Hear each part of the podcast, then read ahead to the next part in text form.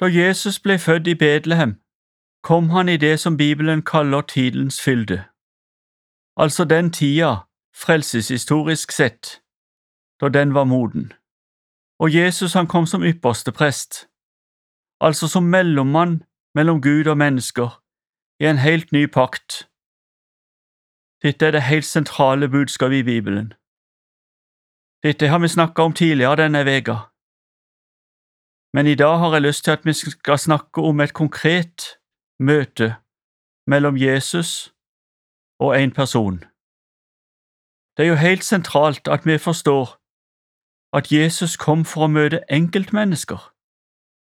Bibelen er full av eksempler på det, og i dag skal vi lese om da Jesus møtte Paulus, eller Saulus, som han heter da dette skjedde, og vi skal lese fra apostelgjerningene kapittel 9, vers 1 til 5.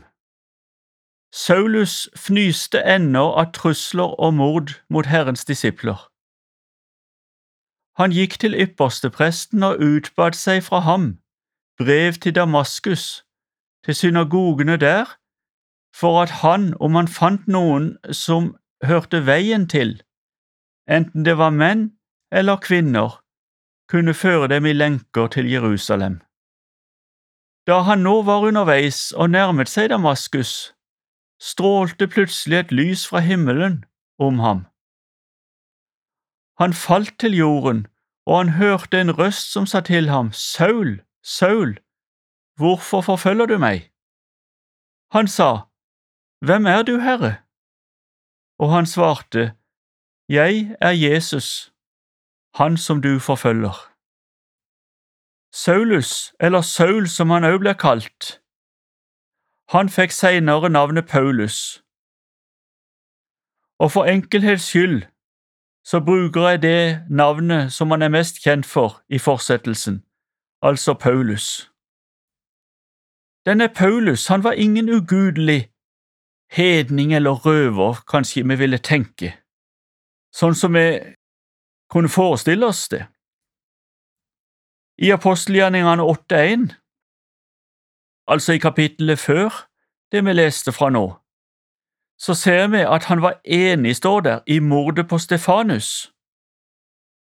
Stefanus han ble steina til døde på grunn av sitt vitnesbyrd om Jesus, og derfor så regnes Stefanus for kristenhetens første martyr.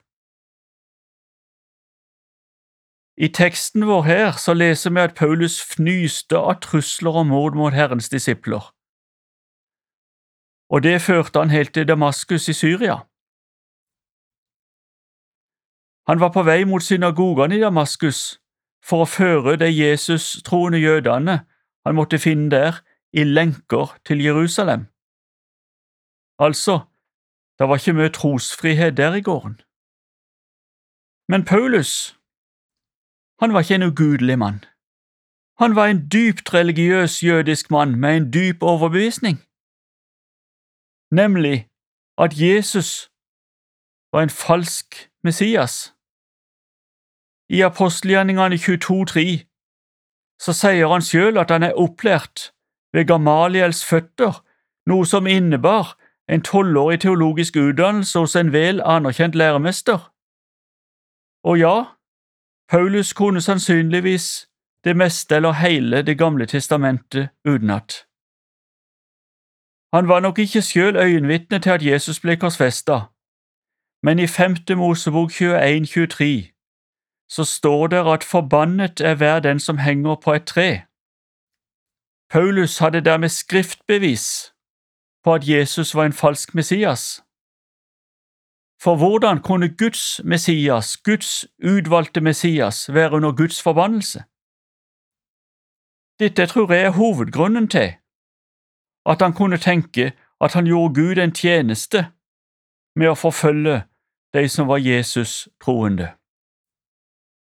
Paulus var av den grunn et velkjent, frykta og berykta navn blant de som trodde. Ja, de var selvsagt redd han, og han opererte heller ikke på egen hånd, men med yppersteprestenes velsignelse. Dermed står Paulus i ledtog med hele det religiøse systemet hos jødene. Vi tenker ofte at forfølgelsen av de troende den kommer utenifra, men det er slettest ikke alltid sånn. Mange ganger så kommer forfølgelsen faktisk innenifra, der en minst skulle vente det. Hvis vi tenker på behandlinga som Hans Nilsen Hauge fikk, så er det et godt eksempel på akkurat det. Og Jesus selv, han var jo i stadig konfrontasjon med fariseerne og de skriftlærde. Han som sjøl var Ordet, eller Skriften, han ble angrepen av de skriftlærde. De religiøse er i konflikt med Jesus og hans ord. Sånn var det på Jesu tid, sånn var det på Paulus tid, og sånn er det den dag i dag. Jeg ser for meg Paulus, ivrig og målretta på vei til Damaskus. Men da kom Jesus, og i dette tilfellet kom han bokstavelig talt som lyn fra klar himmel. Det første vi skal legge merke til, er at Jesus tiltaler Paulus, eller Saul altså, direkte med navn. Det er altså ingen tvil om hvem Jesus henvender seg til. Det er mange eksempler i Bibelen på akkurat det samme, der Jesus tiltaler enkeltpersoner med å bruke deres egentlige navn. Vi kan tenke på Sakkeus og på Lasarus og på Peter, på Martha og Maria. Og så skal vi minnes at Jesus han er i går og i dag den samme ja, til evig tid, står det i Hebreabrevet kapittel 13 vers 8. Og det betyr at han godt kan finne på å henvende seg til oss i dag òg, med å bruke navnet vårt. Da bør vi virkelig lytte, for han har noe viktig å si oss. Jesus møter Paulus med spørsmålet Hvorfor forfølger du meg? Det er å gå rett på sak. Paulus tenkte at han forfulgte en religiøs, forvirra gruppe mennesker. En sekt, kanskje? Men Jesus konstaterer at han forfølger han sjøl, han forfølger Jesus, altså. I Matteus 25, 40 sier Jesus i forbindelse med dommen på dommens dag, Alt dere gjorde mot en av disse mine minste, det gjorde dere mot meg. Hva skjedde så videre med Paulus? Jau, han fikk totalt nytt livsinnhold. Et møte med Jesus forvandler alt, synger vi i en sang. Et møte med Jesus, det gjorde forfølgeren og morderen til vitne og apostel. Det han tidligere hadde angrepet, vitnesbyrdet om Jesus, det tok han nå i det aller sterkeste forsvar.